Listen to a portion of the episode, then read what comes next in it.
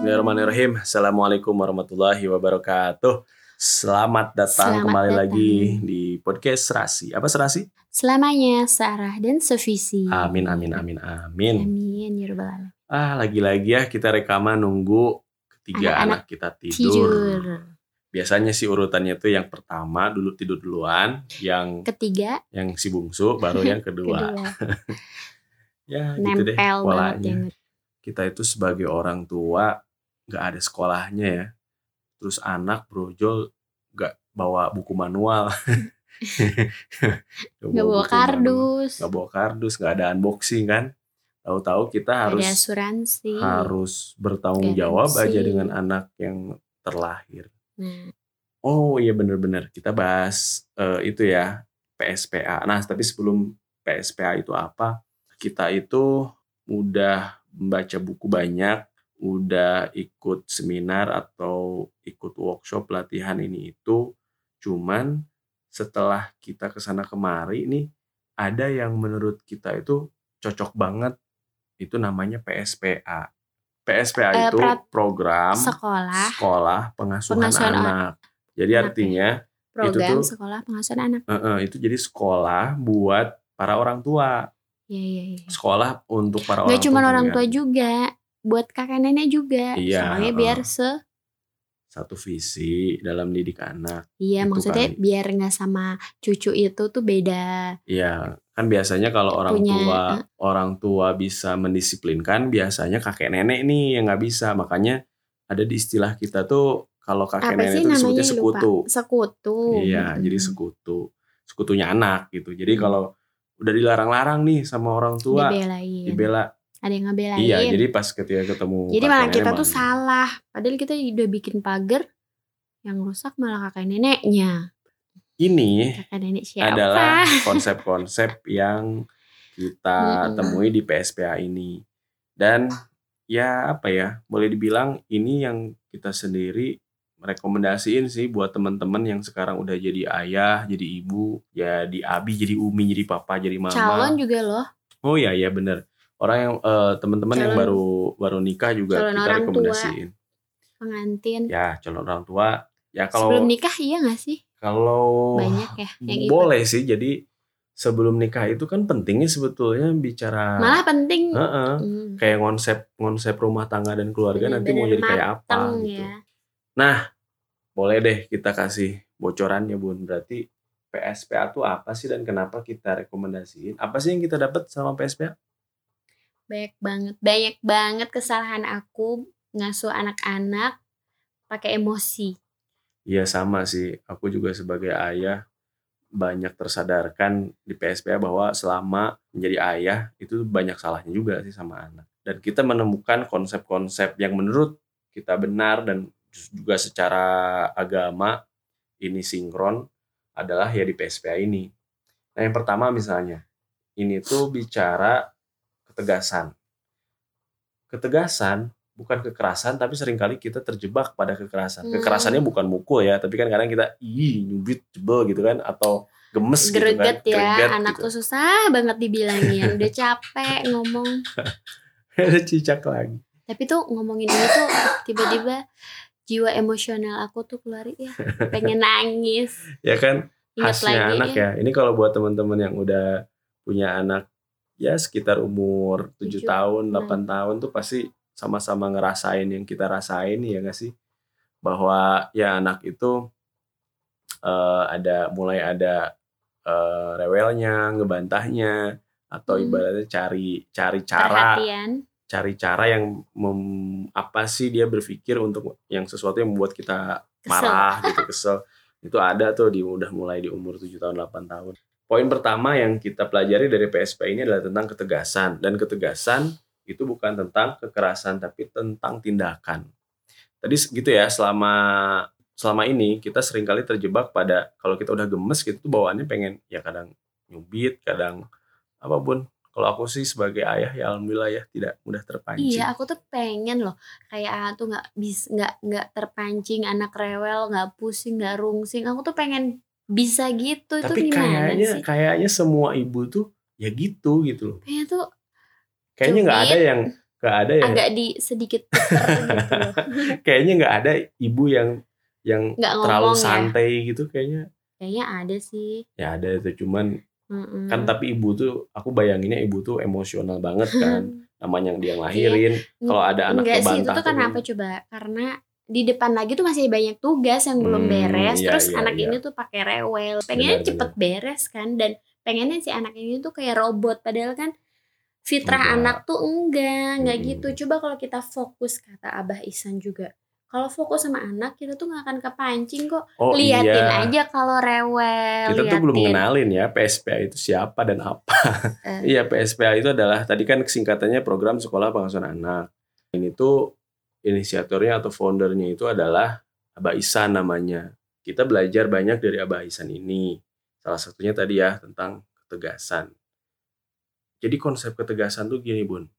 Yang aku masih ingat dari waktu kelasnya Abah Isan ya adalah kenapa misalnya misalnya kita bicara negara dulu nih. Karena kan konsep negara itu sebetulnya nggak jauh beda seperti dalam keluarga. Keluarga ada pemerintahannya yaitu orang tua. Dan ada rakyatnya yaitu anak. Anak-anak. dan bagaimana kemudian orang tua dan anak-anak bersatu padu bekerja sama untuk menjadi keluarga yang baik kan gitu ya. Dan itu sama sebetulnya konsepnya seperti sebuah negara. Kita ambil contoh dulu sebuah negara nih. Misalnya Indonesia. Kita punya kan namanya Perdaka tiga tuh. Di mana kalau kita buang sampah sembarangan itu ada dendanya ada hukumannya. Hmm. berapa juta atau berapa kalau nggak mau eh, ini kurungannya tuh berapa bulan gitu. Hmm. ada tuh pedagang tiga.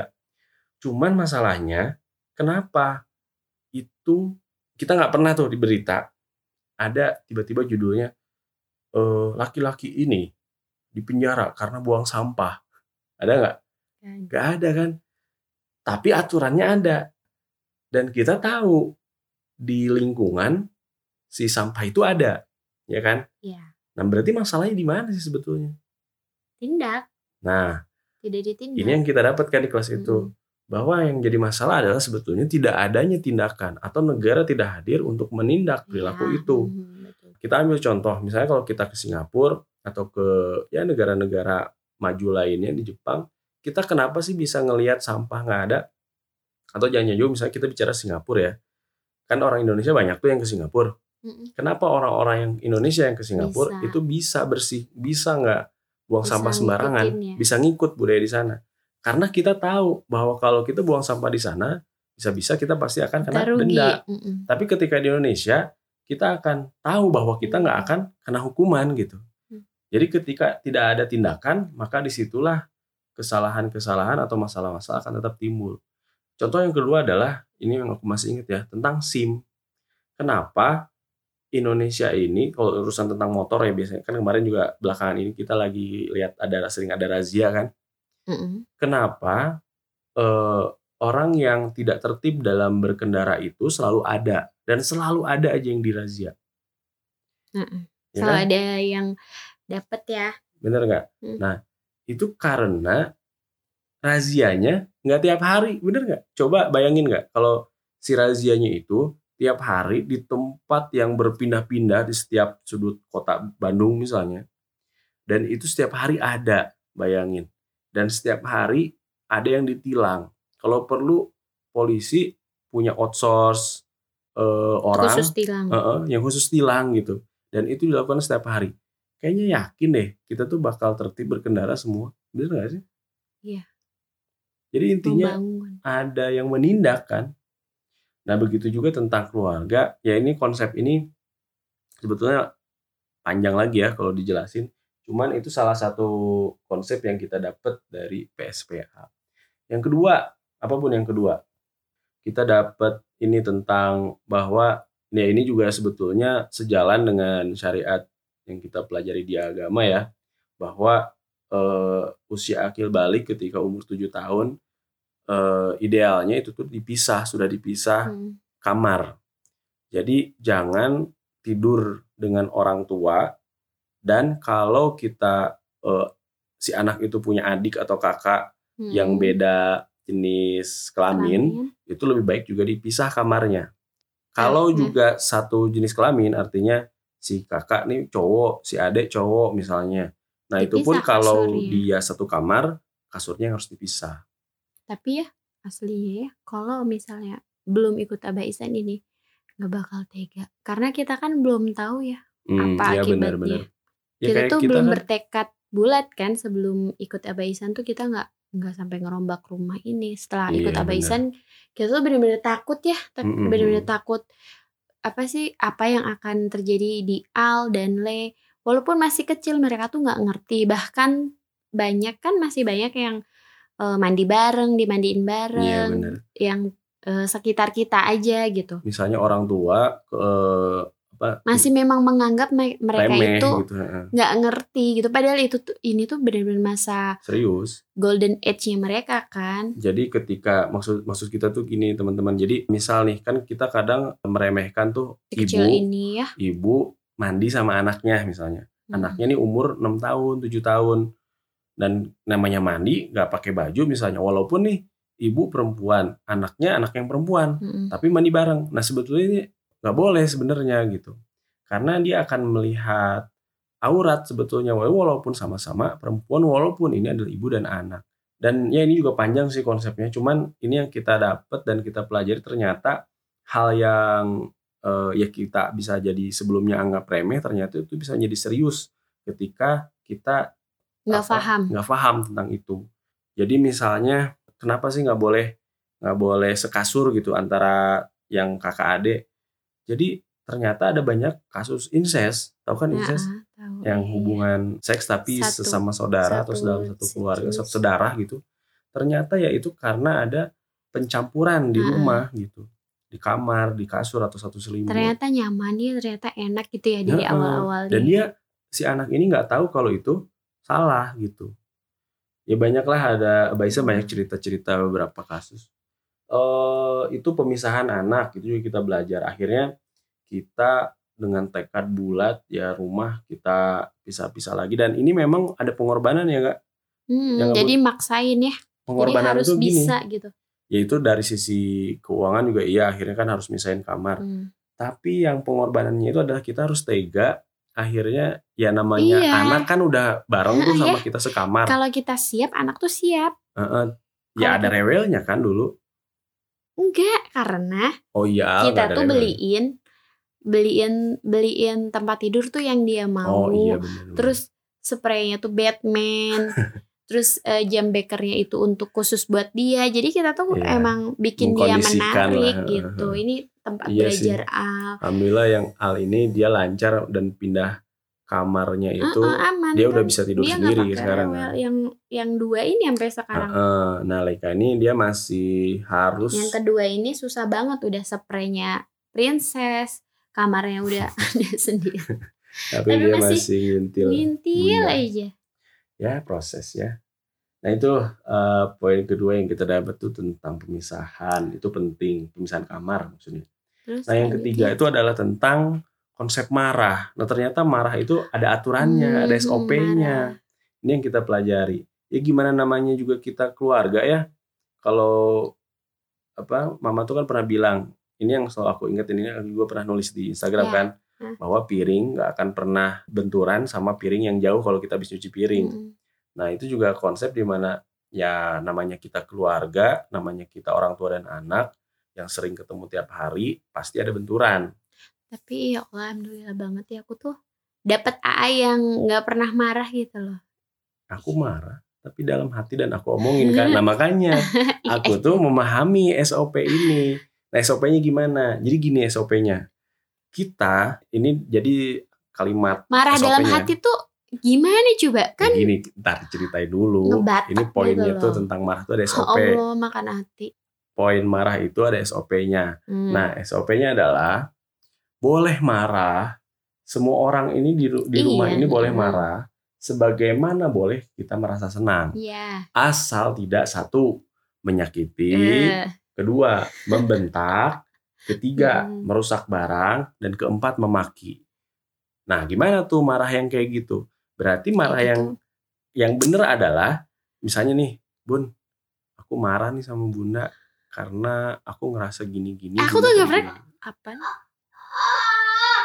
Kenapa itu ngelindur ya? itu suara itu suara Al Dan Al tuh hari ini lagi ada tragedi gigi mulutnya tuh kepentok. Oh kayaknya dia kesakitan bu Enggak, dia tuh kayak mimpi lagi deh. ya Allah cicak juga ikut Enggak, dia tuh kayak mimpi lagi kesakitan itu. Tadi udah dikasih obat, obat Oh. anti sakit itu makanya oh beli iya berarti dia ngelindur itu batuk, pilek, anti sakit, paracetamol ah, sama itu imbus. ya udah kita lanjutin Lanjut ya sampai mana tadi. tadi ke oh Nah, iya jadi itu kan. ya gitu kan berarti boleh merasa marah tuh boleh cuman kita tinggal omongin aja contohnya kan tadi ya bun aku marah nih sama bunda karena aku ngerasa gini tadi bunda kayak gini misalnya Dan Al nggak pernah kayak gitu kan? aku pernah aku kan Apa? bilang bun aku tersinggung Tersinggung, Cin, bukan marah, tersinggung. Iya kan? aku tuh tersinggung yang kemudian aku marah tapi aku marahnya dalam hati kan terus aku omongin gitu loh bun aku nih marah nih tadi iput kayak gini gini Ih beda, ih. beda tahu tersinggung sama marah. Iya kan penyebab marah itu salah satunya tersinggung ya Allah. Beda ya, tersinggung tuh ya Ya. udah tersinggung tapi gitu doang. Udah. Tapi kalau marah tuh ih kamu tuh ya bener-bener gitu loh, A. ya marah itu kan adalah semua emosi Mm-mm. yang mana pilihannya apakah mau diungkapkan atau mau dibicarakan. Aku sih memahaminya gitu. Ketika aku bilang nih, aku misalnya marah ke Al, Hmm. terus aku bilang Al, ayah tuh marah loh karena Al kayak gini, kayak gitu, kayak gini, kayak gitu. Kan gambaran Al tuh kayak bunda kan, marahnya tuh begini. Jadi ke- dia tuh ah ayah nggak pernah marah. Kadang kan aku tuh bilang ya udah sih ah tarik aja sih kencengin sedikit sebentar. Dia tuh sama tuh kayak gitu Eh, apa kurang ini ya apa sih? Jadi masih eh eh eh eh gitu Iya kan. kan makanya yang kayak misalnya kita bicara bangunin subuh ya. Hmm. Aku tuh daripada Al bangun, Al bangun terus diulang-ulang sampai bosen, aku naik kan ke tangga, aku tarik kakinya, aku gendong di badan, terus kalau dia belum masih bau bangun, aku cipratin air, kalau dia masih belum mau bangun, aku sentor gitu aja. Iya sih. Dan itu efektif. Kita nggak bicara, tapi yang jelas di dalam hati kita dan niat kita bukan karena marah atau karena Iya apa nggak tadi. boleh pakai emosi. itu. makanya kan aku selalu bilang Bismillah Bismillah karena aku tuh nggak mau juga aku terpancing. Itu adalah salah satu poin yang kita pelajari di PSPA bahwa marah itu ada aturannya dan ketika aturan itu dijalankan eh, itu ternyata marah itu ada SOP-nya kita lebih mudah sebetulnya dalam menangani ya permasalahan-permasalahan drama-drama yang terjadi antara drama-drama yang terjadi antara orang tua dan anak kan. itu tuh ya kalau eh, mis kayak misalnya anak rewel ya Hmm. Terus kalau nggak ada AA tuh aku tuh gampang terpancing bikin greget gitu ya. Didiamin diamin diamin itu tuh emang nggak boleh ditahan deh marah tuh. Iya kan Jadi- kita bilang. Heeh, nah beda kalau ada AA jadi tuh AA tuh kan ngingetin kan ngapain sih diperhatiin? Ngapain sih dijawab? Jadi kan sering rewel gitu kan.